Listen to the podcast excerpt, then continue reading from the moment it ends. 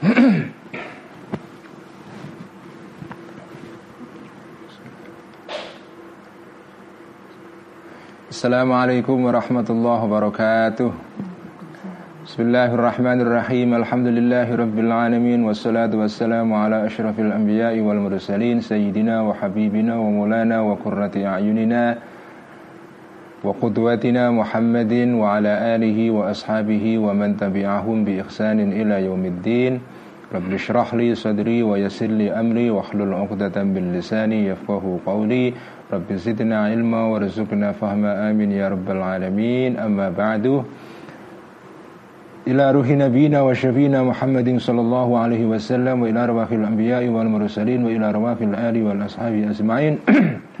وإلى أرواح الأولياء والشهداء والصالحين وإلى أرواح العلماء الصالحين والمؤلفين والمسنفين والمجتهدين خصوصا إلى روح مؤلف هذين الكتابين الذي اللذان درسناهما في هذا الشهر حجة الإسلام أبي حامد الغزالي قدس الله سره ونور ضريحه وعاد إلى علينا من بركاته ونفعنا بعلوم الأرواح أموات المسلمين والمسلمات والمؤمنين والمؤمنات خصوصا علماءنا ومشايخنا وخصوصا مؤسسي جمعية نهضة العلماء والجمعيات الإسلامية الأخرى في هذا البلد وإلى أرواح آبائنا وأمهاتنا وأجدادنا وجدادنا ومشايخنا ومشايخ مشايخنا وأصدقائنا لهم جميعا الفاتحة.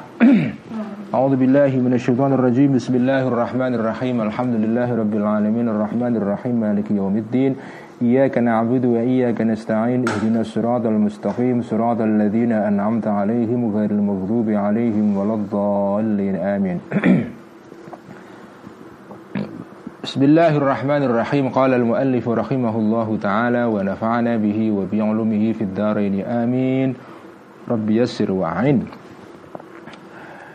Al-Mungkith minad dhalal halaman 89 Faman ashkalat alaihi al-qiblatu. Paragraf kedua di ketiga di tengah-tengah itu ya. Faman ashkalat alaihi al-qiblatu laisa lahu tariqun illa an yusalli bi istihadihi idh law safara ila baladil imami li yu'arrifahu al-qiblata yafutu waqtu salati. Ini masih debat polemik antara Al-Ghazali dengan Syiah Ismailiyah mengenai isu utama yaitu apakah seorang itu ketika hendak mengetahui suatu kebenaran dalam agama ya harus merujuk kepada seorang imam ya. Dan kalau harus merujuk bagaimana caranya? Dan bagaimana jika terjadi masalah baru yang tidak ada di dalam nas Quran dan hadis dan juga tidak ditemukan di dalam di dalam fatwa ataupun di dalam ajaran imam yang kita ikuti itu. Karena muncul belakangan ya. Nah ini jadi ini masih perdebatan soal soal masalah satu ini. Dan perdebatannya agak berkepanjangan di sini ya. Kalau kita baca nanti uh, agak bertele-tele sebetulnya. Dan kita tidak tahu juga apakah apakah hujah yang dikemukakan oleh Al Ghazali di sini ini cukup apa ya cukup bisa mematahkan ya um, apa hujahnya para para pengikut Syiah Ismailiyah ya. Karena kalau kita ikuti dalam perdebatan ini nanti kelihatan sekali agak cenderung perdebatannya itu seperti perdebatan yang apa ya, yang bertele-tele ya. Jadi agak beda dengan dengan kritik Al Ghazali terhadap para filosof yang menurut saya jauh lebih jauh lebih apa ya jauh lebih berbobot ya. Nah dalam perdebatan dengan Syiah Ismailiyah ini khojah-khojah yang dikemukakan oleh Imam Ghazali um, cenderung agak terlalu bertele-tele ya. Nanti kita lihat ya. Tapi intinya ya yang disangkal oleh Al Ghazali adalah ya itu masalah bahwa bahwa seorang beragama membutuhkan seorang imam yang maksum sebagai pemandu di dalam menemukan kebenaran ya. Dan seperti kita baca di dalam jawaban kemarin ya, yang kita baca malam kemarin, um, hujah atau kontra argumen yang disampaikan oleh Al Ghazali kira-kira kalau diringkaskan ya, ya apa yang anda atau kalian orang-orang Syiah Ismailiyah klaim itu sebetulnya tidak beda jauh dengan apa yang kami orang-orang ahlu sunnah wal jamaah lakukan itu. Kalau kalian mengikuti imam yang maksum sama saya juga mengikuti imam yang maksum yaitu kanjeng Nabi. Kalau kanjeng Nabi misalnya sudah wafat, kalian juga sama, imam kalian juga sudah nggak ada, sudah sudah goib, sudah Eh, ter, bersembunyi ya. Artinya sama-sama imam yang kalian ikuti dan kami ikuti itu sudah nggak ada. Dan uh, kalau kalian misalnya menentang jalan yang kami tempuh yaitu istihad karena ahli sunnah wal jamaah akan mengatakan bahwa kalau kita menghadapi situasi baru membutuhkan jawaban baru terhadap masalah yang belum ada jawabannya di Quran dan Sunnah ya ya kita pakai istihad sebagaimana dilakukan oleh sahabat Mu'adz bin Jabal seperti kita baca dalam kisah kemarin ya. Nah kalau kalian mengatakan bahwa istihad itu tidak memberikan keyakinan, tidak memberikan jawaban yang meyakinkan karena istihad itu spekulatif karena dasarnya adalah penalaran manusia dan manusia itu akalnya terbatas. Nah sekarang kalian juga sama kalau sekalian menghadapi masalah baru yang tidak ada di dalam Eh, ajaran-ajaran uh, imam kalian Bagaimana caranya kalau nggak istihad Jadi kira-kira jawaban Al-Ghazali itu ingin men men menunjukkan bahwa Kalian dan saya dan kami ini itu nggak beda sebetulnya. Kalian mendaku mengklaim lebih punya dasar yang kokoh dalam beragama dan punya hujah yang lebih kokoh dalam beragama itu sebetulnya terpatahkan oleh oleh eh, argumen-argumen uh, yang sudah saya kemukakan itu. Nah ini salah satunya. Faman ashkalat alaihil kiblatu Faman maka barang siapa ashkalat yang susah, yang sulit Yang samar alaihi terhadap man ini al kiblatu kiblat Kalau ada orang pergi ke sebuah tempat dan nggak tahu kiblatnya mana Laisa maka tidak ada lahu bagi orang ini torikun jalan illa an yusalliya. Kecuali salat orang tadi bistihadi dengan istihadnya orang itu. Idlau safaro. Terpaksa pakai istihad karena imamnya nggak ada nggak ada orang yang ditanya. Dia di situ sendirian. Gung liwang liwung di tengah-tengah apa padang pasir misalnya. Karena kalau dia menunggu jawaban imamnya untuk untuk memberitahu mana kiblat yang benar idlau safaro karena kalau harus pergi man tadi ila baladil imami kepada negara tempat tinggalnya seorang imam yang maksum tadi itu liyu arifa untuk memberitahu imam ini hu kepada man al kiblat kiblat ya yafutu akan akan akan uh, keluar atau akan akan hilang waktu sholati waktunya sholat keburu keluar waktu sholatnya kalau nunggu jawaban imam. Ya ini kita bicara konteks zaman Al Ghazali ya. Kalau sekarang sih ya pakai aplikasi kiblat itu mudah sekali kan tinggal pasang langsung ketahuan kiblatnya mana ini tapi kan zaman itu belum ada teknologi yang secanggih sekarang kalau sekarang tinggal WA imamnya saja di WA langsung ya kalau pas dibuka WA-nya kalau enggak ya ya nunggu juga. Tapi intinya bahwa ini contoh ya. Kalian kalau misalnya pergi ke sebuah tempat dan nggak tahu kiblatnya mana, terus kalian harus menunggu dulu jawaban imam kamu. Kalau semua harus nunggu imam, ya itu kan kan cara cara berpikir atau beragama ala Syiah Ismailiyah itu kan ya semua harus menunggu jawaban seorang imam. Ya kalau imamnya jauh bagaimana? Faida jazat maka jika boleh as-salatu salat ila ghairil kiblati kepada arah selain kiblat binaan dengan berdasarkan alat dzoni terhadap sangkaan. Kalau kita salat di sebuah tempat yang kita tidak mengerti arah apa barat timur utara selatan kita boleh ah, menurut sangkaan saya menurut zon saya menurut dugaan saya kiblat itu ini itu boleh menggunakan spekulasi ya kalau menghadapi situasi yang seperti itu. Jadi kalau sholat dengan menggunakan spekulasi atau sangkaan saja boleh, ya.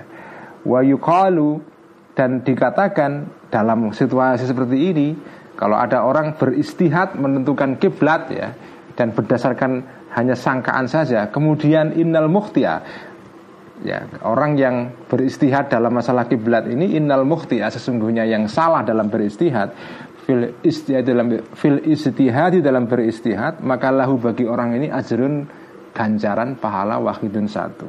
Kalau dia salah duga dalam menentukan kiblat tetap dapat pahala satu karena sudah berusaha. Walil musibi dan bagi orang yang benar ajroni dua pahala ya seperti itu kan kaidah dalam Islam ya menarik ini di dalam Islam itu kaidahnya kalau orang beristihad, orang berusaha mencari kebenaran dengan usaha yang sungguh-sungguh melalui berbagai jalan, penalaran, melalui berbagai bukti-bukti. Itu kalau dia salah pun tetap diberikan pahala satu. Tapi kalau benar dapat dua. Jadi orang yang berusaha dengan kata lain ya, ini tidak saja berlaku bagi istihad dalam pengertian hukum ya tapi berlaku dalam semua hal dalam kehidupan sebetulnya. Sampean itu kalau berusaha ya dalam kacamata agama ini ya sampean kalau berusaha gagal itu tetap dapat satu pahala dari Allah karena sudah berusaha tapi kalau sampean berhasil pahalanya dua Pahala dari Allah karena berusaha Pahala kedua karena kamu dapat hasil dari usaha kamu jadi dengan kata lain orang itu berusaha itu apa pun ha, apa pun hasil akhirnya tetap dia untung. Kalau misalnya tidak apa tidak usah dikaitkan dengan pahala ukhrawi ya tapi pahala dunia ini saja ya kalau anda nggak percaya akhirat orang berusaha itu tetap beruntung walaupun rugi dalam pengertian usahanya tidak berhasil itu tetap tetap dia tidak rugi total. Minimal dia beruntung karena mendapatkan pengalaman. Mencobai sesuatu, bereksperimen yang itu bisa menjadi fondasi dasar untuk nanti mencoba yang berikutnya. Karena kalau tidak punya nggak punya pengalaman ini ya Anda dari nol sama sekali itu lebih lebih riskan. Tapi kalau Anda sudah punya mencoba, sudah pernah mencoba, gagal, itu minimal sudah ada fondasi awal. Percobaan berikutnya itu lebih terukur ya. Jadi berusaha itu apa pun hasilnya tetap menguntungkan. Kalaupun gagal tetap ada pengalaman, bisa dimasukkan di dalam CV kalau nanti melamar pekerjaan ya sudah pernah mencoba ini. Walaupun gagal tapi sudah ada pernah proses yang dia lalui. Kalau berhasil ya pahalanya dua pengalaman dan sekaligus hasil dari pengalamannya itu. Jadi ini filosofi mengenai istihad ini sebetulnya berlaku untuk kehidupan sehari-hari juga. Bukan saja dalam masalah istihad ya tapi dalam kehidupan sehari-hari itu bisa kita pakai ini. Jadi makanya manusia itu harus berusaha apa pun hasilnya. Orang sering mengatakan proses itu jauh lebih penting daripada hasil akhir. Ya. Kadang-kadang hasil akhirnya ya orang bejaji artinya nggak nggak ada nilainya, maksudnya remeh lah, nggak bejaji. Tapi prosesnya sendiri, pengalaman mengalami sesuatu jatuh bangun itu yang yang berharga sekali. Jadi kalau di dalam menentukan istihad menentukan kiblat saja apa pun hasilnya benar salah dapat pahala maka fakadzalika begitu juga fi jami'il mustahadati di dalam segala hal yang diistihadi sama ya kamu mau masalah kiblat mau masalah hukum sesuatu yang lain pokoknya hal-hal yang bersifat istihadi yang bersifat apa ya di situ mengandung atau melibatkan usaha manusia untuk mencari jawaban mencari kebenaran di situ itu akan dapat pahala di situ jadi nggak harus nunggu imam jadi kamu harus berusaha gitu ya ya kalau imamnya ada sih nggak masalah ya. Wakadhalika dan begitu juga amru sorfiz zakati perkara memberikan zakat ilal fakiri kepada orang yang fakir ya. Kalian kalau eh, ini pas hari puasa bulan-bulan zakat ya. Sampean kalau mem mem memberikan zakat kepada orang yang sampean kira orang itu berhak dapat zakat, fakir misalnya ya. Nah, ini bagaimana kamu bisa yakin dia fakir itu? Ya ada beberapa kasus yang bisa dipastikan ini orang fakir beneran Tapi bagaimana sampai ngerti kalau ini orang fakir beneran Wong sekarang ini ada juga orang-orang yang kelihatannya kere tapi sebetulnya kaya Atau kelihatannya hidupnya mewah tapi sebetulnya kere karena dibiayai oleh utang semua ya. Begitu pandemi corona terjadi langsung ketahuan fakirnya itu ambruk semua karena selama ini gaya hidupnya diongkosi, dimodali dengan kartu kredit. ya kartu kredit itu kalau situasi normal nggak apa-apa kita bisa bayar cicilan. Begitu situasi wabah, ah, udah nggak ada lagi uh, apa itu nggak ada lagi apa sandaran untuk membayar cicilan kredit ya. Akhirnya jatuh jatuh kelihatan miskin beneran ya. Farubbama yadhunnu maka kadang-kadang maka boleh jadi mengira ya, seseorang man tadi hu kepada orang fakir ini fakiron sebagai orang miskin dikira fakir istihadi dengan dengan istihadnya man tadi dia dengan uh, informasi yang ada pada dia dia sudah meneliti sudah mencari informasi mengenai orang ini berdasarkan kesimpulan saya ini orang fakir beneran, layak mendapatkan bantuan sosial, bansos misalnya. Padahal wahwa man wahwa, wahwa padahal jumlah haliah ini ya, wahwa dalam keadaan fakir ini pada dasarnya goniun kaya batinan secara batin. Padahal sesungguhnya dia kaya, cuma nggak ketahuan saja.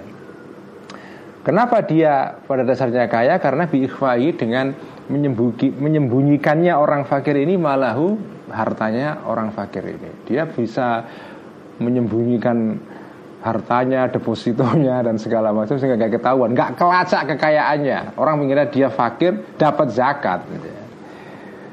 Dan yang apa kacaunya ya dia mau terima ini juga ikut membuat masalah jadi lebih kacau lagi kan. Falayakunu maka maka tidak ada man yang orang yang memberikan zakat ini muakhodan dimintai tanggung jawab fihi karena orang fakir tadi itu. Wa toa walaupun dia salah man tadi dalam istihadnya di dalam uh, penelusurannya dia ini ternyata dia salah, nggak dia nggak dosa. Liannahu karena sesungguhnya man tadi lam yu'akhod tidak dimintai tanggung jawab, tidak dilanjrat kalau bahasa pesantrennya itu tidak ya tidak dilanjut itu tidak dimintai tanggung jawab, tidak dihisap ya. Illa bimujabi atau illa bimujibi dhannihi ya. Kecuali dengan tuntutan dengan uh, tuntutan sangkaan man tadi. Ya, dia hanya orang-orang itu tidak dimintai tanggung jawab kecuali ya sebatas yang dia bisa lakukan dengan melalui istihadnya dia.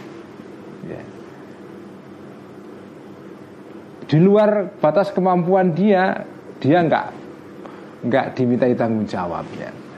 Jadi Allah hanya meminta kita ya menelusuri kebenaran sesuatu berdasarkan semampu kita melalui informasi dan seterusnya ya semampu kita menggali informasi ya itulah tanggung jawab kita di luar itu kita nggak dimintai tanggung jawab Fa'ingkola maka jika mengatakan orang Syiah Ismailiyah ya yang sedang berdebat dengan Al Ghazali ini, kalau dia, nah ini sekali lagi kan, ini kan uh, Al Ghazali kan sedang membayangkan berhadapan dengan seorang Syiah Ismailiyah dan berdebat. Kalau seandainya lawan diskusi mengatakan begini bagaimana? Fa jika mengatakan seorang Syiah Ismailiyah, dzannu mukhalifi ka dzannihi. Dzannu mukhalifihi sangkaan atau istihadnya lawannya orang ini, orang yang sedang beristihad, itu kadzannihi sebagaimana sangkaan dia. Maksudnya apa? Ketika seseorang beristihad, ya, itu kan istihadnya dia itu kan bersifat spekulatif. Tidak miyak tidak berdasarkan keyakinan yang yakin betul karena kita hanya beristihad sesuai dengan kemampuan akal kita. Artinya nilai istihad kita itu bersifat relatif. Karena manusia itu tidak absolut pikirannya relatif. Jadi hasil istihad kita relatif. Sama dengan istihadnya musuhnya atau lawan dia Nah sekarang pertanyaannya apa yang menjamin bahwa pendapat kamu yang sebetulnya sama relatifnya dengan pendapat lawan kamu itu lebih berhak diikuti? Ya. Kan sama-sama relatif. Kenapa kamu, kamu merasa lebih berhak diikuti? Atau kalau dengan kata lain kira-kira ya beginilah Al Ghazali kamu mengapa merasa bahwa istihadmu itu lebih berhak diikuti daripada istihad lawan kamu? Karena istihad itu sama-sama relatifnya. Lawan kamu juga manusia Kamu juga manusia Sama-sama istihad. Istihad kamu itu relatif Istihad lawan debat kamu juga relatif juga. Kenapa kamu merasa istihad kamu lebih berhak untuk diikuti daripada istihadnya lawan kamu? Itu namanya zannu mukhalifi kazanni Ini menarik. Uh, Jadi kalau istihad itu sama-sama zonni Apa yang membuat istihad yang satu lebih berhak diikuti daripada yang lain? Ini kalau diterap ini ini ilmu ini keren sekali. Jadi misalnya kalau kita terapkan dalam konteks madhab ya. Madhab Hanafi, madhab Maliki, madhab Syafi'i, madhab Hambali Itu semua kan istihad. Hasil istihad manusia. Semua istihad itu bersifat zonni karena istihad itu penalaran manusia. Manusia itu bukan Tuhan. Manusia akalnya terbatas. Manusia itu istihadnya relatif. Artinya istihadnya madhab Hanafiya relatif Malikiyah relatif Syafi'i relatif Hambali juga relatif. Lalu apa yang menjadikan seseorang kok lebih merasa uh, apa merasa bahwa madhab syafi'i lebih dihak, lebih berhak diikuti daripada yang lain-lain, sama-sama relatif. Apa itu?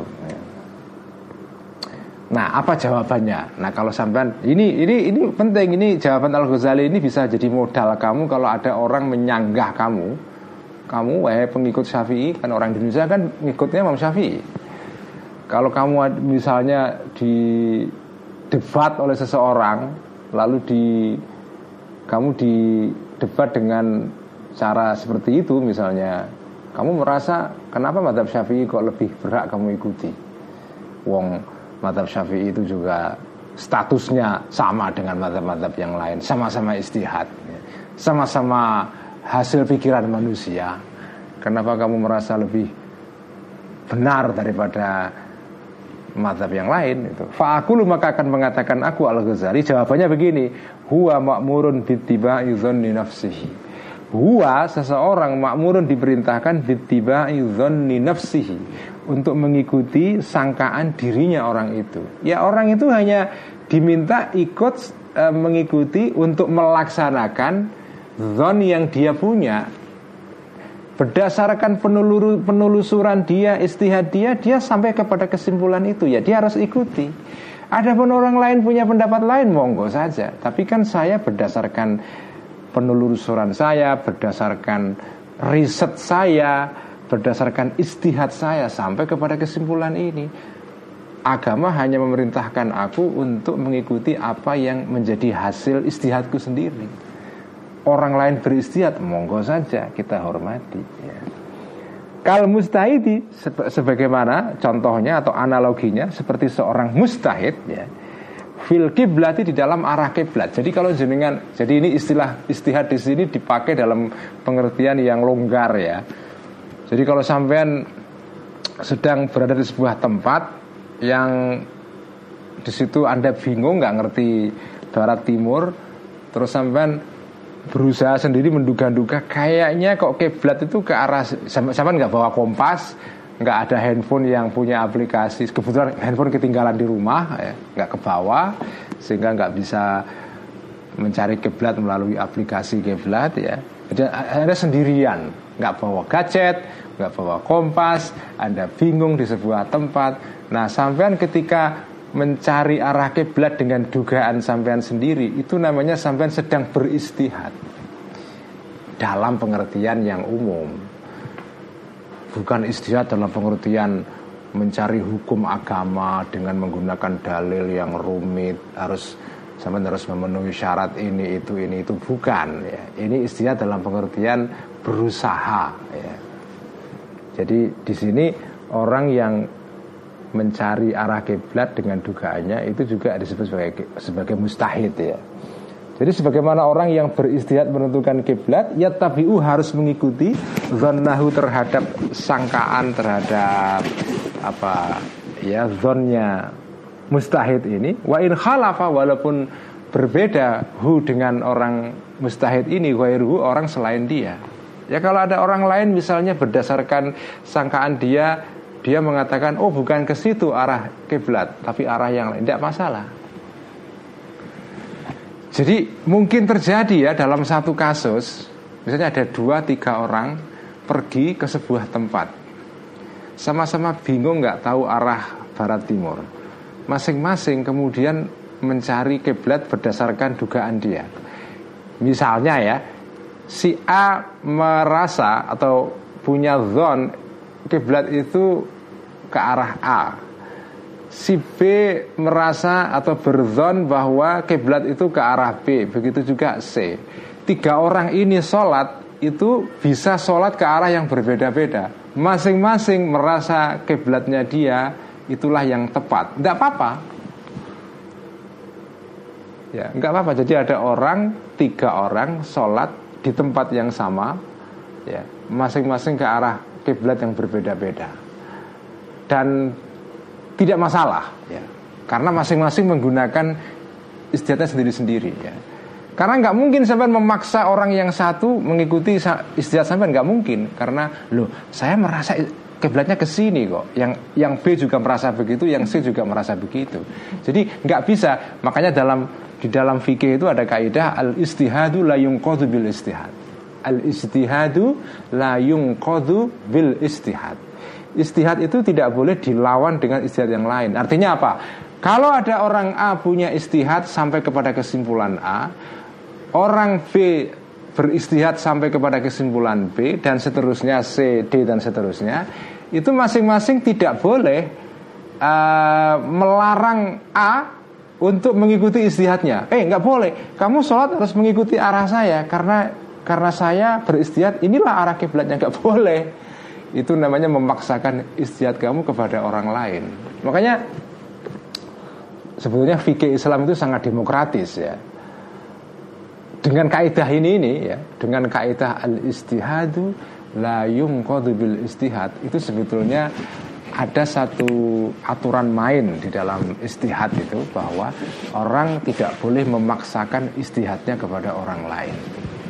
Kalau kamu menurut pemikiran kamu, penalaran kamu yang sudah ya berdasarkan usaha kamu yang sudah maksimal kamu sampai kepada kesimpulan A itu orang lain tidak boleh memaksa kamu untuk mengikuti kesimpulan yang lain. Karena al istihadu la yungqadu bil istihad inilah jawabannya ya Fa'inkola maka jika mengatakan lagi wah ini masih terus ini ya perdebatannya Fa'inkola jika mengatakan orang Syiah Ismailiyah ini Fal itu Tapi kan begini Fal itu maka orang yang taklid ya Bukan yang istihad ya tapi taklid Ikut saja karena dia nggak punya kemampuan untuk istihad. Itu kan Gimana? Kalau orang taklid ini Ya tabi'u mengikuti mukallid asy-syafi'iyah madhab syafi'i Au Aba Hanifata Atau kepada Aba Hanifah Au gairahuma atau selain dua orang ini. Kalau dia tidak mampu istihad, misalnya ya, kayak kita kita ini kan umumnya kan tidak mampu beristihad. Gimana dong? Kita ini harus ikut madhab yang mana? Madhab Syafi'i, Hanafi atau yang lain.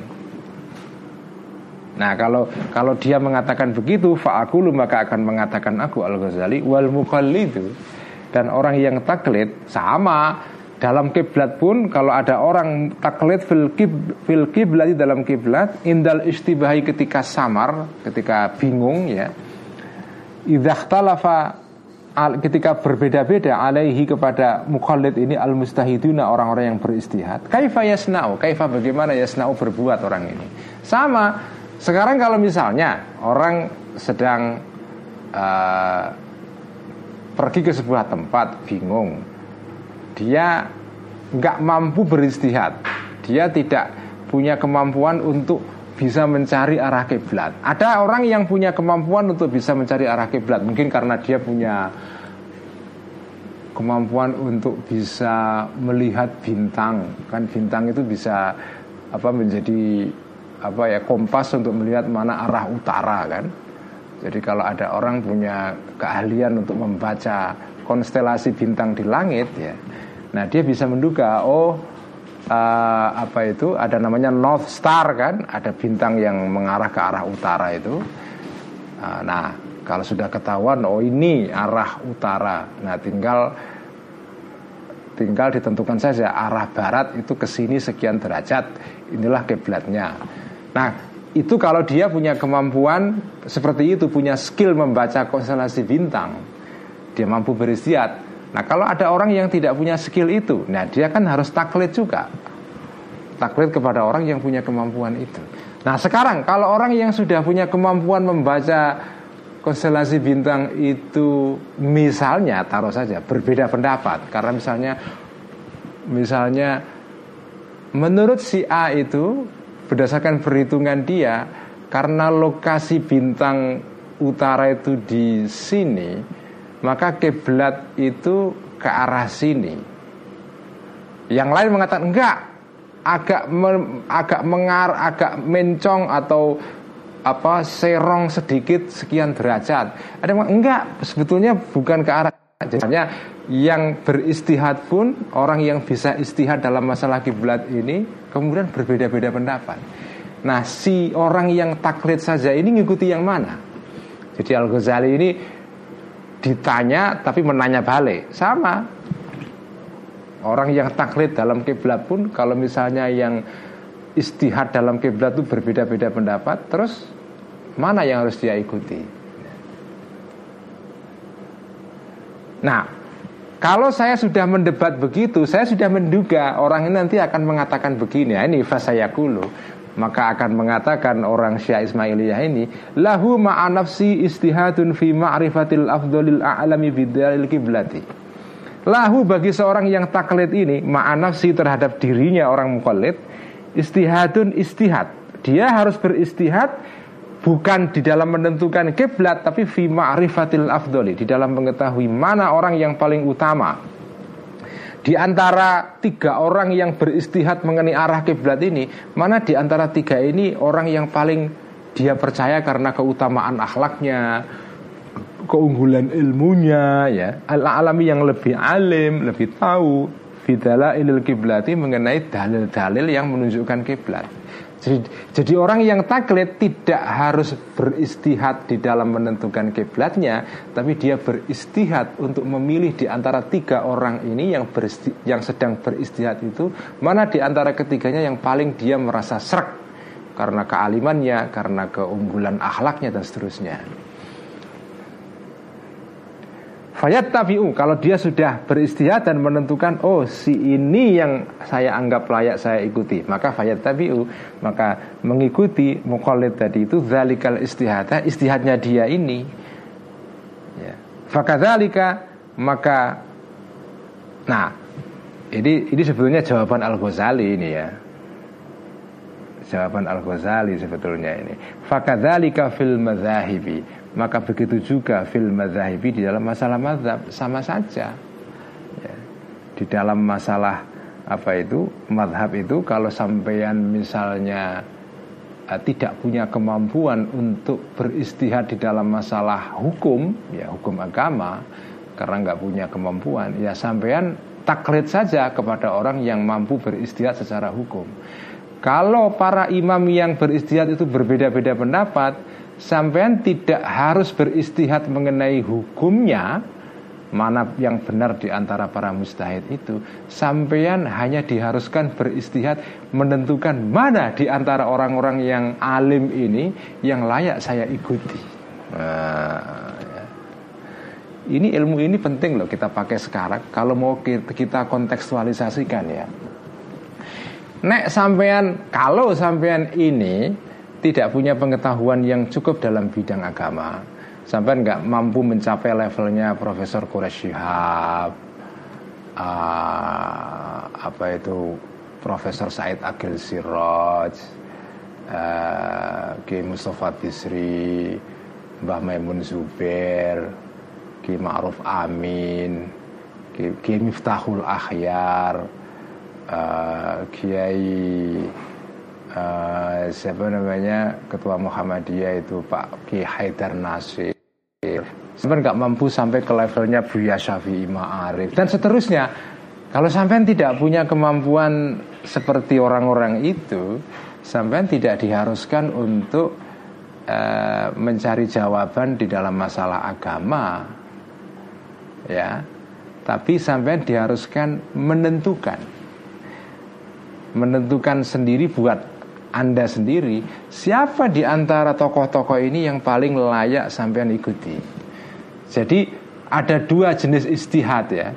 Istihad level pertama adalah istihad untuk mencari hukum. Nah, ini hanya bisa dilakukan oleh orang-orang yang punya ekspertis, punya keahlian. Kalau sampean tidak punya keahlian di bidang itu, sampean harus bertaklid. Harus mengikuti orang-orang yang punya kemampuan dan keahlian. Nah, kalau yang punya keahlian misalnya beda-beda pendapatnya, Wah, Buya Syafi'i Ma'arif pendapatnya begini.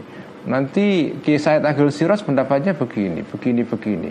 Mana yang harus saya ikuti? Nah, di situlah sampean harus beristihad. Ini istihad level kedua. Istihad level kedua adalah istihad menentukan mana tokoh yang paling layak untuk diikuti. Kalau istihad pada level ini, saya kira semua orang mampu. Gak ada yang tidak mampu. Orang semua mampu karena minimal beginilah jenengan itu di dalam beragama itu kan diharuskan mencari tokoh satu tokoh minimal ya menjadi panutan. Siapa? Terserah yang kamu merasa serak misalnya karena jenengan ini tinggalnya di Jawa Tengah dekat ya sekitar Pekalongan dan sekitarnya. Saya merasa Bib Lutfi ini yang paling saya anggap layak jadi panutan saya karena kesalehannya, karena ilmunya, karena kewaliannya misalnya. Saya percaya ya. pokoknya saya mengikuti apa pun yang di kake dikatakan oleh Habib ya sudah kamu ikuti saja. Nanti kalau sampai tinggalnya di sekitar Rembang dan sekitarnya ya nggak harus Rembang sih ya di mana pun dan merasa saya kok merasa ini yang paling tepat saya ikuti Gusmus ya sudah ikuti Gusmus nanti misalnya sampai di Jakarta dan sekitarnya kok merasa saya kok merasa serak dengan Profesor Quraish Shihab atau saya lebih serak mengikuti Agi misalnya. Ya monggo saja. Jadi kalau misalnya orang-orang alim ini berbeda pendapat kamu jangan ikut campur. Ya ini ilmu penting sekali. Kalau orang-orang alim ini beda pendapat dan masing-masing punya hujah punya argumen. Yang sampean tidak mampu untuk berargumen ya sudah sampean ikuti saja yang merasa sasrek tapi sampean tidak boleh ikut campur berdebat. Biarlah yang berdebat ini ya orang-orang alim ini. Orang awam mengikuti saja imam yang dipercaya yang yang dia merasa srek nah kalau sampean sudah merasa srek dengan seorang tokoh ya, saya srek dengan uh, Pak Quraish Shihab misalnya Terus Pak Kures punya pendapat yang beda dengan tokoh lain. Sampai jangan ngelek ngecek-ngecek tokoh lain yang berbeda pendapat dengan Profesor Kures Shihab. Jangan. Kamu nggak berhak untuk ikut-ikutan mengecek orang lain atau tokoh lain yang punya pendapat yang beda hanya karena tokoh kamu berpendapat seperti ini itu nggak boleh. Kalau Profesor Kures berpolemik dengan orang yang setingkat dengan beliau, ya berdebat, nggak apa-apa.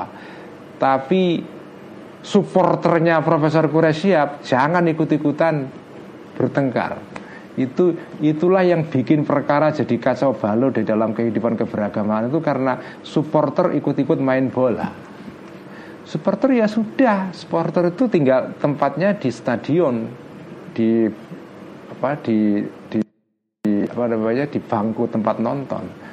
Kalau ada kalau supporter ikut terjun ke lapangan ikut main bola ya nggak jadi ter, bola jadi nggak berhenti nggak permainan bola nggak nggak bisa berlangsung itu kalau penonton tenis kok ikut-ikut ke lapangan, ikut-ikut main ya sudah selesai, nggak ada permainan itu. Jadi, jadi masing-masing orang harus mengetahui di mana makomnya. Inilah pelajaran malam ini dari kitab Al-Munqidh yang bisa kita ambil ya. Jadi ada orang yang levelnya istihad level pertama yaitu istihad mengenai substansi masalah ya ada orang yang tidak mampu ke level ini, dia hanya wajib mengikuti orang yang mampu beristihad.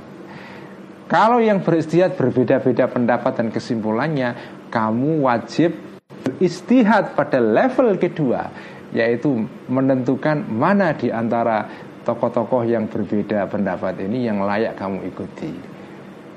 Kalau kamu sudah merasa serak di situ, ikutilah dia. Karena itu di dalam fikih itu ada satu kaidah yang bunyinya begini ya teman-teman. Al-ami atau al-amiyu la madhabalahu. Orang awam itu sebetulnya tidak punya madhab.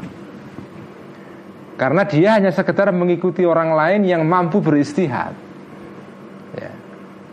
Jadi misalnya orang itu bermadhab syafi'i, orang awam itu sebetulnya istilah itu itu istilah majazi. Istilah yang tidak punya makna hakiki artinya bukan ketika misalnya orang awam orang orang kampung yang nggak ngerti apa-apa aku aku madhabnya syafi'i itu sebetulnya ya tidak bisa dimaknai secara harafiah begitu karena orang ini kan sebetulnya tidak mengerti argumennya madhab syafi'i itu seperti apa ya dia hanya ngikuti kiai di kampungnya saja gitu ya jadi orang awam itu sebetulnya tidak punya mazhab. Kenapa? Karena dia hanya mengikuti orang yang dia percaya. Yang bermazhab itu kiainya. Orang awamnya mengikuti kiai. Makanya sampai nggak boleh ikut-ikut berdebat. Biarlah yang berdebat itu kiai-kiainya ini yang ngerti hujah, ngerti dalil madhab syafi'i, dia ber, berpolemik atau berdebat dengan orang yang mengikuti madhab yang lain. Orang yang mengikuti kiai sudah ngikuti saja ya. Dia nggak boleh ikut-ikutan ngecek kiai lain yang punya madhab berbeda. Itu.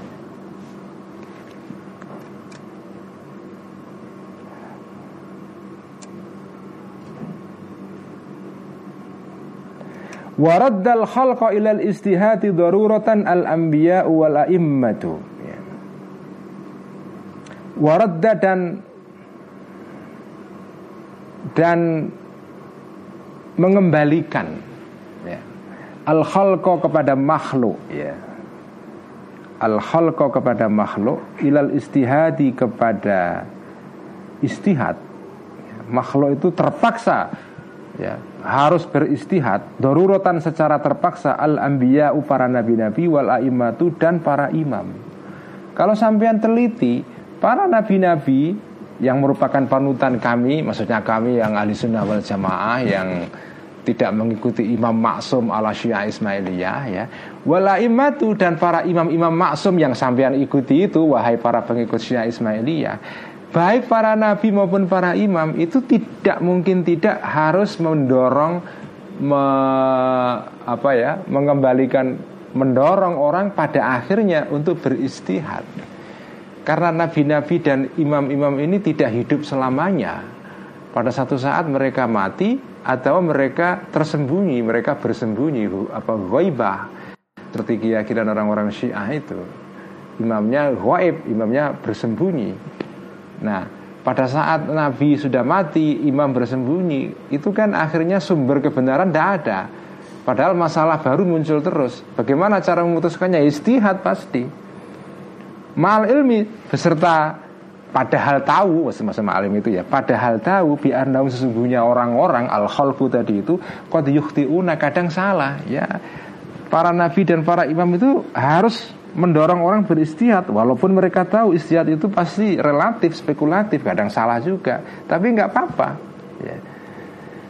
bukan hanya itu balqala bahkan mengatakan Rasulullah ya Rasulullah Shallallahu Alaihi Wasallam kanji Nabi sendiri itu mengatakan begini ana ahkumu bidzahir wallahu yatawalla ya.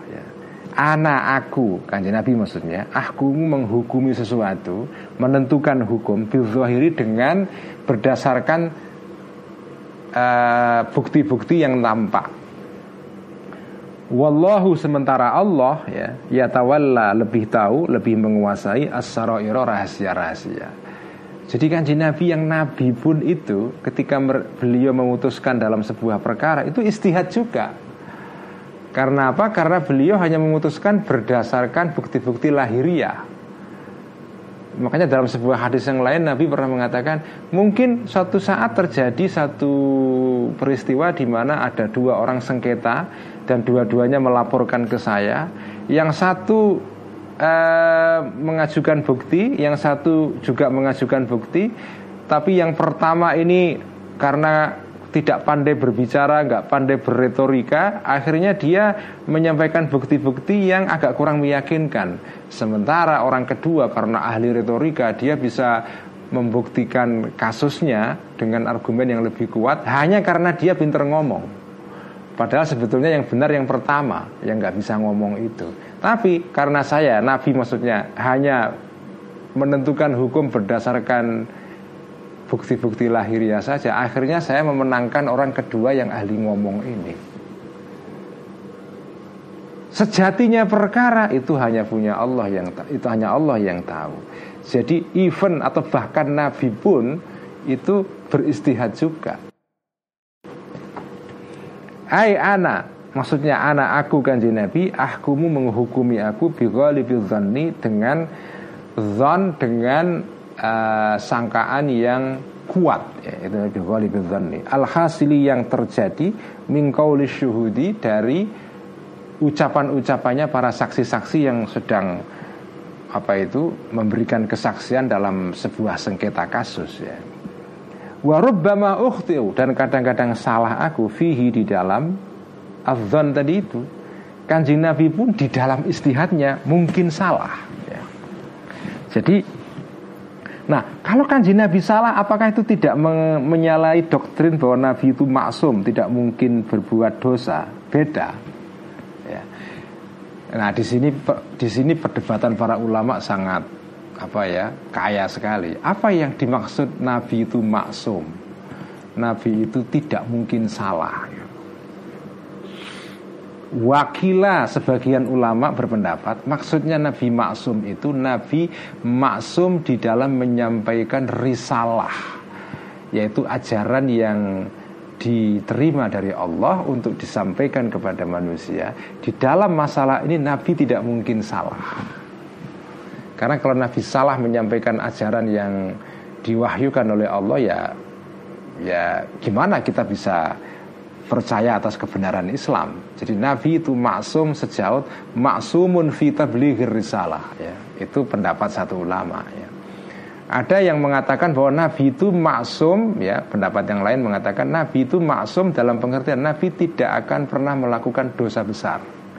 Tapi kalau kesalahan-kesalahan kecil yang bersifat manusiawi itu mungkin. Itu ada yang mengatakan begitu. Ada yang mengatakan Nabi itu maksum dalam pengertian Nabi dijaga dari dosa. Dosa itu artinya melanggar perintah Allah ya, atau tidak menjalankan perintah Allah. Tapi tidak berarti Nabi itu tidak mungkin salah dalam hal-hal yang tidak bersifat keagamaan. Misalnya, Nabi kan pernah salah ketika misalnya Nabi itu pernah lewat di sebuah kebun kurma di Madinah ya. Kemudian melihat para petani itu menyerbuk atau mengawinkan pohon kurma dengan kurma yang lain supaya berbuah. Itu kan kan ada pohon-pohon supaya berbuah itu harus dikawinkan, diserbuk secara artifisial. Kan ada pohon-pohon yang bisa kawin secara alamiah ya. Tapi ada pohon-pohon yang tidak bisa di nggak bisa berbuah kalau nggak dikawinkan secara artifisial. Ada intervensi manusia. Makanya ya sama dengan salak itu kan termasuk pohon-pohon yang nggak bisa berbuah kalau nggak dikawinkan oleh manusia itu kan. Nah Nabi ketika melihat orang mengawinkan pohon-pohon kurma beliau mengatakan kamu ngapain itu? Kok kok kurma dikawinkan? Nggak usah itu. Nah Nabi mungkin tidak punya pengetahuan tentang pohon kurma kan. Nah si petani kurma ini mengira ketika Nabi mengatakan nggak usah dikawinkan itu mengira itu merupakan wahyu jadi larangan untuk mengawinkan itu adalah larangan bersifat keagamaan bukan pendapat personal kanjeng Nabi sebagai manusia. Lalu petani ini mengikuti petunjuk kanjeng Nabi, akhirnya nggak dikawinkan itu kurma itu. Kemudian nggak berbuah akhirnya. Lapor orang ini kepada kanjeng Nabi, kanjeng Nabi itu kurma saya nggak berbuah karena saya ngikuti anjuran Nabi nggak nggak saya kawinkan. Tapi nggak berbuah akhirnya. Terus kanjeng Nabi, oh begitu ya sudah, saya kan nggak tahu, saya bukan petani. Antum a'lamu bi umuri dunyakum kalian lebih tahu tentang perkara-perkara dunia. Jadi saya nggak pendapat saya mengenai soal dunia itu bukan wahyu. Kalau memang berdasarkan ilmu pertanian itu kurma harus dikawinkan ya monggo. Gitu. Nah, kanji Nabi dalam hal ini itu salah dalam pengertian bukan salah dosa, salah dalam berpendapat. Ya tidak apa-apa. Seperti ini juga saya misalnya memutuskan suatu sengketa ya antara dua orang itu ya berdasarkan bukti-bukti yang dikemukakan oleh masing-masing pihak yang sengketa. Bukti-bukti yang lahir. Adapun sejatinya sesuatu menyangkut siapa yang benar di mata Allah saya nggak tahu. Wallahu sarair.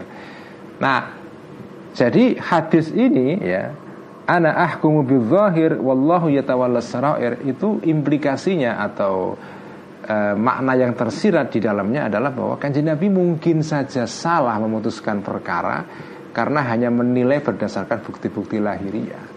Tapi ini bukan salah dosa, bukan salah dalam pengertian dosa, tapi salah ya di dalam masalah duniawi ini lah. Nah, kalau salah yang seperti ini bukan kanjeng Nabi maksum, ya. Nabi tetap manusia itu ya. Apakah Nabi itu kan basyarun manusia Meskipun lakal basyar Tidak seperti manusia biasa Kenapa? Karena kanjeng Nabi punya keistimewaan Yaitu dijaga oleh Allah Tidak mungkin salah Di dalam menyampaikan ajaran ke agama Jadi beliau maksum sejauh Vita beli risalah. Tapi kalau dalam memutuskan sesuatu yang bersifat duniawi Ya apa itu? Nabi mungkin salah. Makanya ketika Nabi memutuskan apa ya hal-hal yang terkait dengan masalah keduniaan itu sahabat ada yang berani nanya Nabi ini keputusan kajian Nabi ini wahyu atau pendapat pribadi? Misalnya ketika di dalam apa itu perang Badar atau perang Khandaq ya Nabi memutuskan bahwa kita berhenti di titik ini menunggu musuh datang Sahabat yang lain mengatakan kayaknya posisi yang lebih strategis di sana kan Nabi, bukan di sini. Ini pendapat kanjeng Nabi ini wahyu atau pendapat personal? Kalau wahyu ya sam'an wa ta'atan, saya ikut saja. Tapi kalau ini pendapat personal menggah kaulo kanjeng Nabi, menurut saya saya kira kok lebih baik di sana, lebih strategis itu. Jadi sahabat itu sadar betul membedakan mana wahyu, mana yang keduniaan. Kalau masalah keduniaan kajian Nabi ya mungkin salah juga dan itu tidak me, atau apa tidak menyalahi doktrin mengenai al-ismah mengenai kemaksuman kanjeng Nabi itu ya. Fala sabila maka tidak ada jalan ilal amni kepada rasa aman minal khoto'i dari kesalahan lil ambiyai bagi para nabi fi mithli hadhil mustahadati di dalam uh, seperti hal-hal yang bersifat istihad ini Fakaifa maka bagaimana mungkin yutma'u diharapkan fidalika di dalam masalah istihad yang tadi itu kiblat atau masalah-masalah keagamaan yang lain. Nabi saja tidak dijamin mesti benar di dalam masalah mustahadat loh ya. Bukan dalam masalah agama. Kalau tablighur risalah Nabi pasti benar. Ya.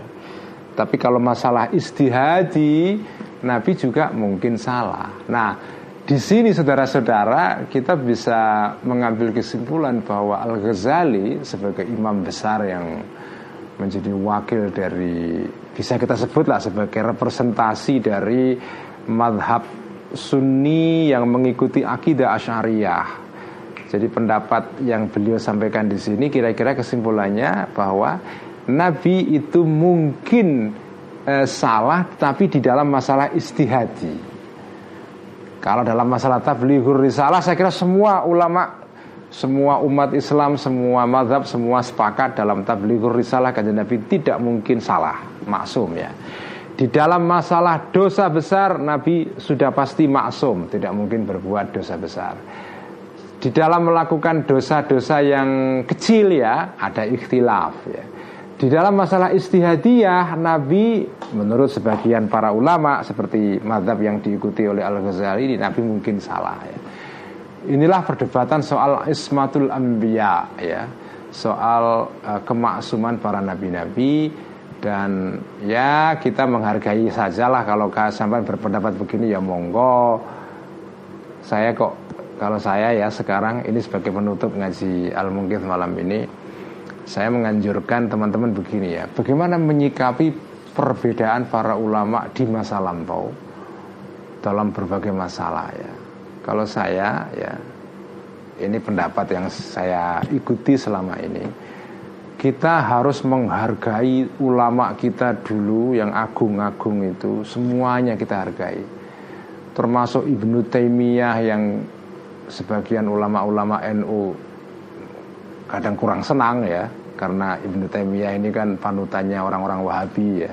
Termasuk Ibnu Taimiyah, Ibnu Qayyim Al-Jauziyah, Ibnu Katsir, Imam Zahabi, uh, termasuk Ibnu Sina filosof yang sebagian pendapatnya dikafirkan Al-Ghazali, termasuk Al-Farabi, Al-Kindi, Ibnu Rushd itu semua adalah bagi kita sekarang yang hidup di abad 21 itu semua adalah bagian dari sejarah agung Islam. Oke? Okay? Itu semua bagian dari sejarah agung Islam. Termasuk ulama dari madhab Syiah Ismailiyah, Syiah Ithna Asyariyah, orang Khawarij, semuanya itu harus kita pandang sebagai bagian dari sejarah Islam yang agung di masa lampau. Tentu saja mereka berbeda-beda pendapatnya tidak apa-apa. Tapi bagi kita yang hidup di era sekarang ini di zaman akhir, orang-orang itu semua orang-orang agung. Mereka adalah bagian dari orang-orang yang mempercantik taman yang namanya peradaban Islam itu. Apa pun pendapat mereka semua kita hormati. Tetapi kita boleh saja menentukan pendapat kita sekarang ini sesuai dengan tantangan zaman kita. Tapi kita tidak boleh memaki-maki, mengejek, menista ulama di masa lampau. Semua ulama kita hormati, meskipun kita nggak suka pendapatnya, karena mereka semua adalah bagian dari keagungan sejarah Islam. Jadi, adapun ulama berbeda pendapat, kadang-kadang keras di antara mereka, kita nggak boleh ikut campur. Ya. Kita nggak boleh ikut campur. Biasa itu ulama berdebat, kadang Ya namanya manusia berdebat kadang-kadang juga terlontar kata-kata yang keras Biasa. Cuma kita tidak boleh ikut-ikutan ya.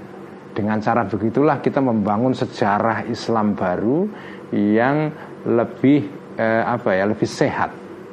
Karena kita tidak mewarisi konflik masa lampau Kita teruskan sekarang. Konflik itu harus dihentikan. Oke ulama dulu berbeda pendapat Tidak apa-apa bagi kita yang hidup sekarang ini kita harus membangun peradaban baru yang berdasarkan perdamaian ya. Yang berdasarkan apa? Saling menghargai pendapat yang berbeda. Yaitu loh istilah yang dulu dipakai oleh Profesor Mukti Ali mantan Menteri Agama di zaman Orde Baru. Dan kemudian kata-kata Profesor Muti Ali ini diadopsi oleh Orde Baru ya. Agree to disagree. Bersepakat untuk tidak sepakat. Nah itu kan keren itu kan. Dan saya kira ini ajaran yang sesuai dengan akid, dengan akidah dan sekaligus dengan ajaran Islam. Itu sesuai dengan kaidah dalam fikih yang tadi saya sebutkan. Al istihadu la yungkodu bil istihad. Istihad itu tidak boleh dinafikan oleh istihad yang lain. Pendapat A beda dengan pendapat B, sama-sama punya hak untuk ada. Ya, itu namanya agree to disagree. Jadi al al istihadu la bil istihad itu kalau diterjemahkan dalam bahasa modern itulah namanya agree to disagree. Berbeda eh, bersepakat untuk tidak sepakat. Ya. Jadi ada sepakat untuk sepakat, ada sepakat untuk tidak sepakat. Jadi ada dua jenis sepakat ya. Sepakat untuk sepakat, sepakat untuk tidak sepakat. Sekian ngaji Al-Mungkith malam ini Wallahu a'lam bisawab Mari kita ngaji ikhya. Bismillahirrahmanirrahim. Alhamdulillahirrabbilalamin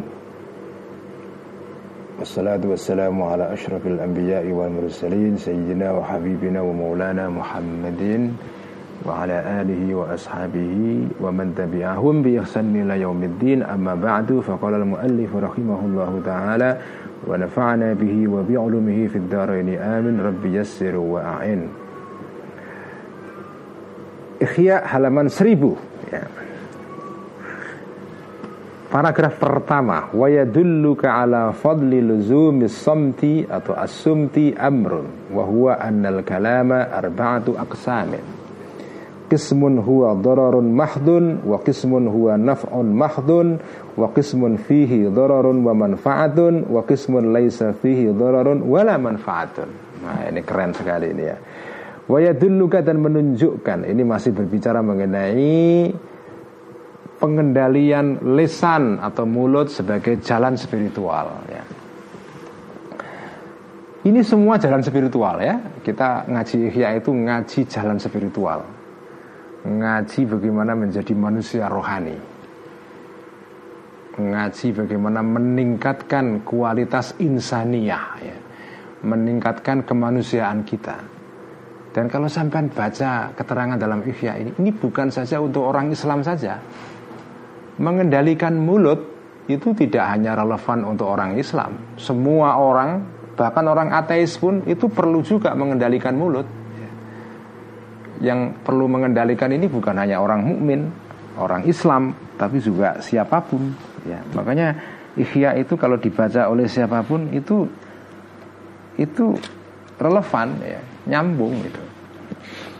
Ini kalau ada teman-teman yang Kristen atau Katolik atau beragama lain yang ikut ngaji Ikhya Terima kasih ya sudah mengikuti ngaji Ikhya Saya apresiasi luar biasa Bahkan saya kadang-kadang Nanti saya mungkin akan uh, Kopdar Ikhya Ya mungkin dalam salah satu kopdar saya akan mengundang teman-teman Katolik atau Kristen atau agama lain untuk ikut menjadi semacam pendamping untuk menanggapi atau memberikan uh, masukan ya sebagai pembanding.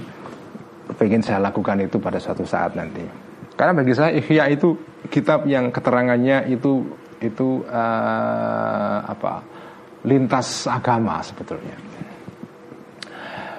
Wayadulu dan menunjukkan ka kepada engkau ala fadli luzumis somti kepada keutamaan konsisten untuk diam ya. keutamaan untuk terus diam amrun adalah perkara. Yaitu perkara apa? Ya ini wahua dan amrun itu adalah annal kalama sesungguhnya kalam omongan arbaatu aksamin dibagi ada empat jenis. Omongan itu kalau jenengan teliti itu ada empat jenis. Kismun satu jenis huwa kismun tadi itu dororun adalah bahaya atau ancaman mahdun yang murni. Ada omongan yang mengandung ancaman murni. Nggak ada baik-baiknya sama sekali. Jadi salah satu jenis omongan adalah omongan yang isinya madorot semua Wakismun dan ada omongan kalam huwa yang kalam ini naf'un yang berisi kemanfaatan, berisi kebaikan, mahdun yang murni. Jadi ada yang ekstrim kanan yaitu baik semua, omongan isinya baik semua. Ada yang ekstrim paling kiri yaitu isinya jelek semua. Wakismun dan ada satu jenis fihi di dalam kismun ini dororun ada bahaya, wa manfaatun dan kemanfaatan. Nah yang spektrum yang di tengah-tengah itu ada omongan yang ya sebagian bermanfaat, sebagian bahaya. Nah yang keempat ada wakismun golongan satu jenis laisa yang tidak ada fi di dalam kismun ini dororun kemanfaatan wala manfaat bahaya wala manfaatun dan tidak ada kemanfaatan juga. Ada omongan yang ya tidak bahaya tapi juga nggak berguna. Ya. Jadi nggak bahaya tapi juga tidak mengandung manfaat. Jadi kira-kira netral ya. Ada yang bahaya tok, ada yang manfaat tok, ada yang campur aduk, ada yang netral sama sekali ya tidak bahaya ya tidak bermanfaat. Ini menarik sekali ya. Jadi inilah metodenya Al Ghazali. Ini metode yang disebut dengan at-taksim ya. Jadi di dalam menganalisis ini, ini bisa ditiru dalam banyak masalah. Jenengan itu nak mau menganalisa masalah itu di dibagi-bagi itu. Jangan menganggap semua masalah itu sama. Jadi ini ilmu yang bisa kita terapkan. Ini sebetulnya apa ya? Ilmu yang atau cara berpikir yang bisa dipakai dalam semua masalah. Ini yang disebut dengan taksonomi itu ya, membagi-bagi sesuatu berdasarkan jenis-jenisnya ya. Taksonomi itu kan istilah dalam biologi ya, taksonomi. Jadi sampai kelompok-kelompokkan sesuatu berdasarkan sifat-sifat tertentu yang punya sifat-sifat ini digolongkan ke golongan ini. Nanti yang ini golongan ini, yang ini golongan ini. Jadi melihat masalah itu jangan gelondongan. Ya, itu pesan dari secara implisit dari yang ditulis Al Ghazali di sini. Sampai anak kepengen melihat masalah itu jangan gelondongan. Lihatlah masalah itu seperti sampean mas ma, apa ya ma, mengiris-ngiris bawang itu loh. Bawang itu bisa dimakan kalau diiris-iris. Ya bisa juga langsung dimakan gelondongan tapi ya nggak enak ya. Jadi itulah jenis-jenis kalam itu. Amal Nah sekarang setelah diteliti satu persatu diiris-iris masing-masing diberikan status ya. Yang ini begini hukumnya, yang ini begini, yang ini begini, yang ini begini. Amal ladhi anapun kalam Huwa yang alladhi ini Dhararun bahaya mahdun murni Fala Buddha maka harus minas sukuti untuk diam anhu dari kalam yang seperti ini. Begitu juga wakadhalika Begitu juga ma kalam Fihi yang di dalam ma ini Dhararun ada bahaya Wa manfaatun dan manfaat Tetapi latafi yang tidak cucuk Tidak sumbut Tidak apa ya sumbut bahasa Indonesia nya itu tidak setimpal bidorori dengan kebahayaannya ada kalam yang ya ada manfaatnya tapi manfaatnya itu tidak setimpal dengan bahayanya. Nah kalam yang seperti ini atau kalam yang murni isinya bahaya harus dihindari. Jadi yang dua sudah ketahuan hukumnya ya. Jadi yang bahaya murni maupun yang campur aduk tapi bahayanya itu lebih besar daripada manfaatnya. Dah, itu enggak jangan di kalam yang seperti itu jangan dilakukan. Oke, sekarang wa amma ma adapun kalam la manfaata yang tidak ada manfaatnya fi di dalam ma ini wala dororo dan tidak ada bahayanya kalam yang netral itu pun fahuwa kalam yang seperti ini fudulun adalah kategorinya fudul yaitu kalam yang apa ya hanya apa hanya berisi sesuatu yang apa ya yang berlebihan. Fudul artinya adalah sesuatu yang tidak esensial ya. sesuatu yang lebih ya. Lebih itu artinya ya dia bukan bagian yang esensial dari sesuatu. Kalam yang seperti itu itu ya kemewahan saja itu. Fudulun itu ya nggak esensial itu. Dia hanya kalau bahasa Jawanya pupuk bawang apa. Hanya lebihan saja. Hanya penyempurna saja nggak nggak nggak penting itu. Karena dia fudulun wal istighalu dan melakukan bihi terhadap fudul kalam seperti ini tadhiyu zamanin adalah kategorinya menyia-nyiakan waktu wahwa menyia-nyiakan waktu itu adalah ainul khusroni itulah sejatinya kerugian itu ya jadi rugi itu artinya adalah menyia-nyiakan waktu Nah, jadi sekarang falayab kok maka tidak tersisa illal qismur rabi'u kecuali bagian kalam yang keempat. Kalam yang keempat yaitu apa? Kalam yang eh, apa? Yang naf'un mahdun. Ya. Kalam yang isinya manfaat murni. Yang bahaya murni wajib kita tinggalkan. Yang ya ada bahaya, ada manfaatnya itu juga harus kita tinggalkan. Karena kadang-kadang bahayanya lebih mengalahkan manfaatnya. Atau yang netral, udah itu itu kan semacam fudulul kalam, itu kalam yang berlebihan, jadi nggak usah dilakukan juga. Tinggal yang satu saja yang patut dipertimbangkan itu yaitu kalam yang isinya manfaat tok ya. Jadi fakad sakoto maka telah gugur salah satu arba'il kalami. Tiga per empatnya kalam sudah gugur semua artinya nggak masuk hitungan. Wabakia dan tersisa rubuun yang seperempat saja. Karena kan kita bagi empat. Yang tiga sudah gugur tereliminasi tinggal satu saja. Yaitu kalamun yang fihi naf'un mahdun itu nah bahkan kalam yang seperempat ini saja yaitu kalam yang isinya manfaat tok 100% isinya manfaat wahada ar-rubu dan wahadar rubu dan kalam yang seperempat ini fihi di dalam rubu ini khotorun juga ada bahaya. Ya karena ini sedang bicara soal diem jadi ya semua hal fokusnya ke diam ya. Jadi kita harus paham itu Idhyam tazizu Idhyam tazizu tazizu karena campur bima ini Ar-rubu ini Kalam yang seperempat terakhir ini Walaupun isinya manfaat semua Dia campur bima dengan sesuatu Vi yang di dalam ma ini. Ithmun ada dosanya juga. Kalam yang isinya manfaat toh Itu juga ada mengandung unsur dosa juga Atau potensi menimbulkan dosa juga. Wah ini keren sekali ini Al-Ghazali ini ya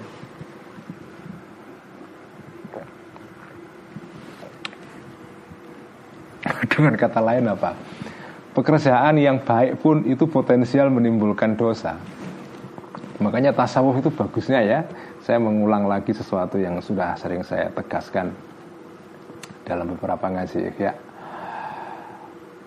Ngaji tasawuf itu bagusnya adalah bahkan kebaikan pun itu jangan kita andalkan seolah-olah itu menjadikan kita manusia yang paling keren itu enggak. Kebaikan pun itu potensial juga menimbulkan kejelekan kejahatan dan dosa juga. Apa pesan dari sini? Kita harus hati-hati. Walaupun kamu itu berbuat baik itu jangan terus gembelengan, arogan, sombong. Wah, saya sudah teraweh 20 rakaat sebulan penuh misalnya. Wah, saya lebih unggul daripada teman-teman Muhammadiyah yang terawihnya hanya 8 tok misalnya, ya kan. Saya sudah puasa Senin Kemis, saya sudah puasa Nabi Dawud ya. Sehari puasa, sehari tidak Saya sudah sholat duha tiap hari Saya tahajud Saya ini, saya itu Udahlah Itu kan semua kebaikan semua Tapi kebaikan pun itu bisa menimbulkan dosa juga Kalam yang isinya manfaat tok pun itu juga bisa Fihi ithmun Maksudnya potensial menimbulkan dosa juga Apa itu min riyai berupa riak yang lembut, pamer yang lembut sekali. Ada rasa bangga pamer dalam diri kita, tapi yang itu lembut sekali sehingga nggak kelihatan. Hanya oleh jiwa yang tajam yang bisa mendeteksi riak yang lembut. Ada orang yang ini menarik ya, kalau zaman ikuti medsos itu. Ada orang yang ngomong sesuatu kelihatannya baik, tapi kalau jenengan teliti detail, itu sebenarnya ada pesan tersembunyi di baliknya itu. Kelihatannya lugu netral itu kan. Tapi sebelumnya sebetulnya ini pamer sebetulnya. Uh, pokoknya ada lah ya. Apa mbak istilah Inggrisnya itu humble brag. Sombong tapi sombong yang rendah, uh, rendah uh, sombong tapi dengan cara merendah. Atau merendah tapi sebetulnya sombong.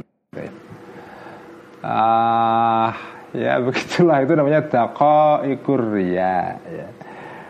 Wat dan dibuat-buat ya. Ada orang yang berbuat baik sebetulnya itu artifisial itu tasanu maksudnya ya. Dipaksa-paksa wal ghibati dan eh, ghibah. Apa itu? Rasan-rasan. Wal ghibati dan rasan-rasan. Maksudnya apa? Orang yang apa ya eh, berbuat baik itu mungkin ya, mungkin dia merasa atau berharap menjadi perbincangan orang orang berbuat baik dengan pamrih dia akan jadi perbincangan. Itu namanya ghibah di sini ya. Diomongin dijadikan pembicaraan di dalam check and recheck atau di dalam info, infotainment atau ya yang diomongin kebaikan tetapi sampean berharap dihibah. Watazkiyatin nafsi dan membersihkan hati. Jadi bisa mempengaruhi juga proses pembersihan hati itu wa fudulil kalami dan leb, ke, apa ya uh, keleb, berlebih-lebihnya kalam kadang-kadang kamu ngomong baik tapi berlebihan misalnya. Atau ya begitulah ya. imtizajan dengan cara campur yahfa yang samar darkuhu untuk mengetahui campurnya ini. Kadang-kadang ngomong baik itu juga ada hibahnya ya. Atau kepengen dihibahkan. Jadi ngomong baik itu pun juga nanti bisa ujung-ujungnya ngerasani orang. Kadang-kadang campur yang imtizajun yahfadarkuhu jadi antara kalam yang isinya baik seluruhnya nanti ujungnya kepleset kepada kesalahan itu tipis sekali. Jadi sehingga kadang-kadang orang nggak sadar itu. Ya ini kita bicara sedang ber, sedang berbicara mengenai bagaimana cara untuk um, apa ya menjaga nafsu dan diri kita dari dorongan-dorongan yang sifatnya negatif ya. Karena itu segala hal yang potensial membawa kita ke arah kecenderungan yang negatif, yang jahat itu harus hati-hati. Makanya bicara soal tasawuf itu memang bicara bagaimana kita melindungi diri kita dari tendensi atau kecenderungan-kecenderungan dalam diri manusia itu yang sifatnya alamiah, tapi itu bisa membawa kepada kejahatan itu. Fayakunu maka ada alinsanu manusia bihi dengan imtizat seperti ini campur aduk tadi itu mukhotiron dia sedang mengambil resiko ya, mengambil bahaya sedang menerjuni bahaya itu.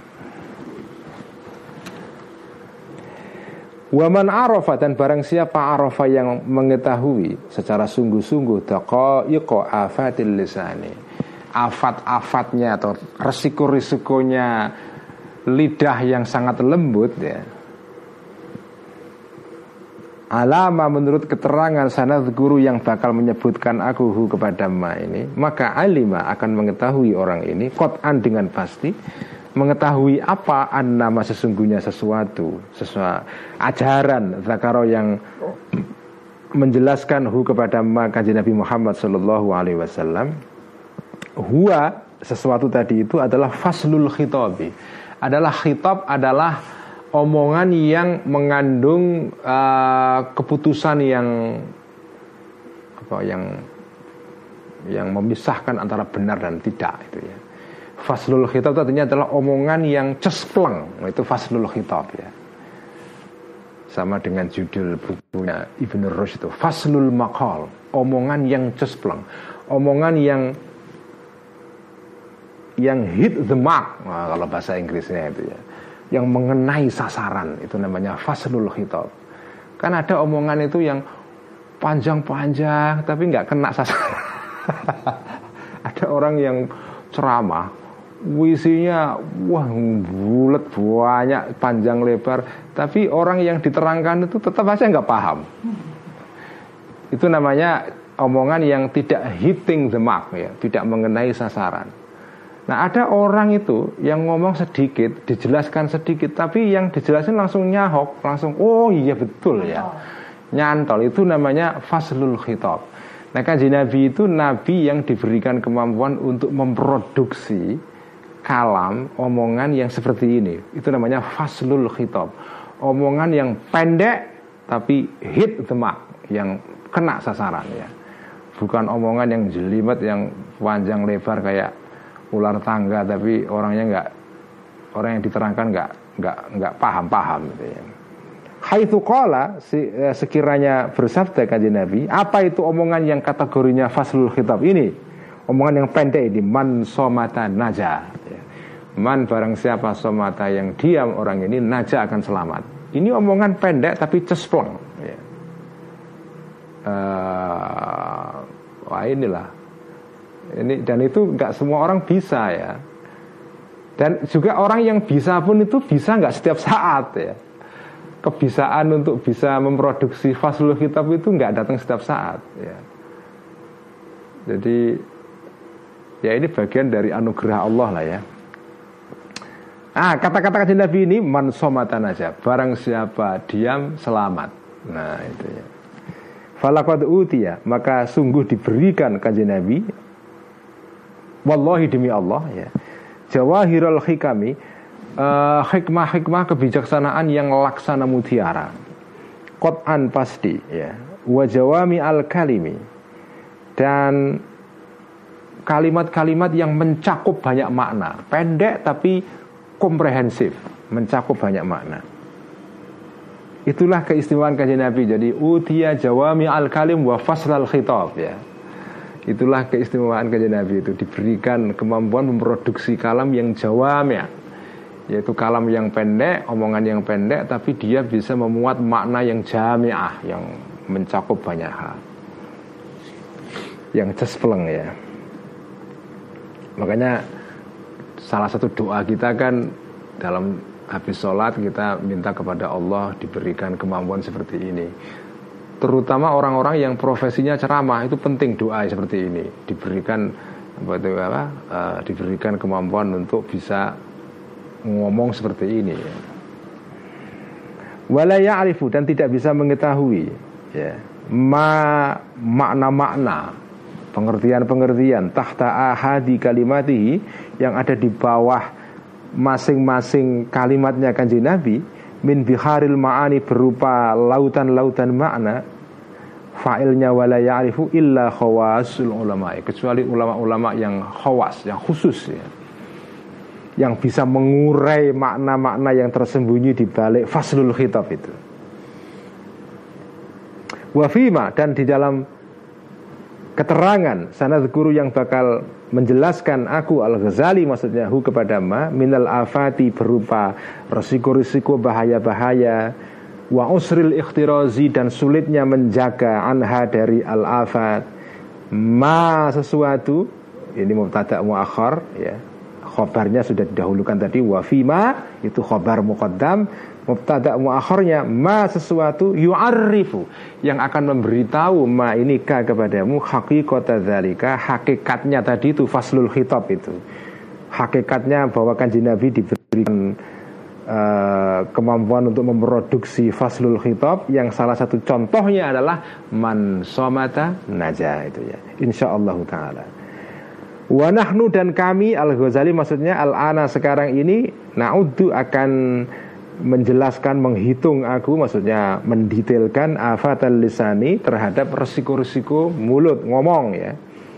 Wa naftadiu dan akan memulai aku bi dengan paling ringannya afat atau resiko tadi itu. Jadi akan diterangkan mana resiko ngomong yang paling paling ringan ya.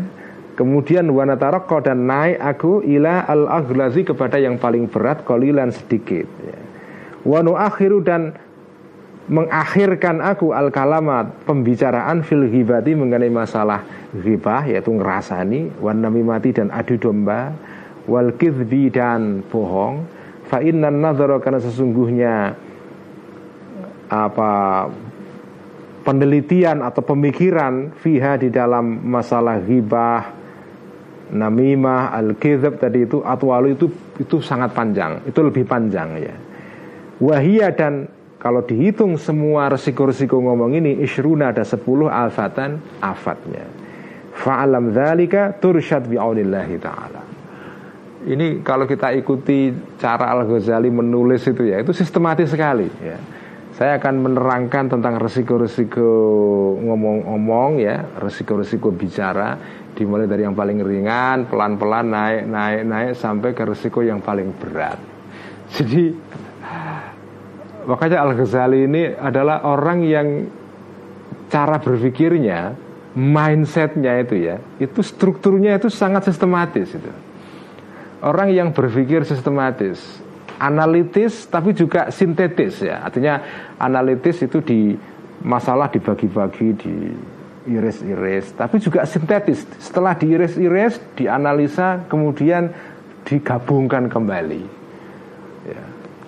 Dan inilah keistimewaan Al-Ghazali ya. Makanya ini ulama yang dahsyat sekali ya. Dan selain itu Al-Ghazali itu juga diberikan kemampuan untuk faslul khitab juga. Ada ulama-ulama itu yang diberikan kemampuan untuk faslul khitab, untuk memproduksi ngomong, komongan, ujaran, ya, keterangan yang cespleng, yang hit the mark gitu ya. Sekian ngaji Ihya malam ini ya, kita teruskan besok Mari kita tutup dengan bacaan salawat tibbil qulub. Bismillahirrahmanirrahim. Allahumma salli ala sayyidina Muhammadin tibbil qulubi wa dawaiha وعافية الأبدان وشفيها ونور الأبصار وضيائها وعلى آله وصحبه وسلم. اللهم صلِّ على سيدنا محمد طب القلوب ودوائها وعافية الأبدان وشفيها ونور الأبصار وضيائها وعلى آله وصحبه وسلم. اللهم صل على سيدنا محمد طب القلوب ودوائها وعافية الأبدان وشفيها ونور الأبصار وضيائها وعلى sahbihi wasallim. Sekian wassalamualaikum warahmatullahi wabarakatuh. Waalaikumsalam warahmatullahi wabarakatuh.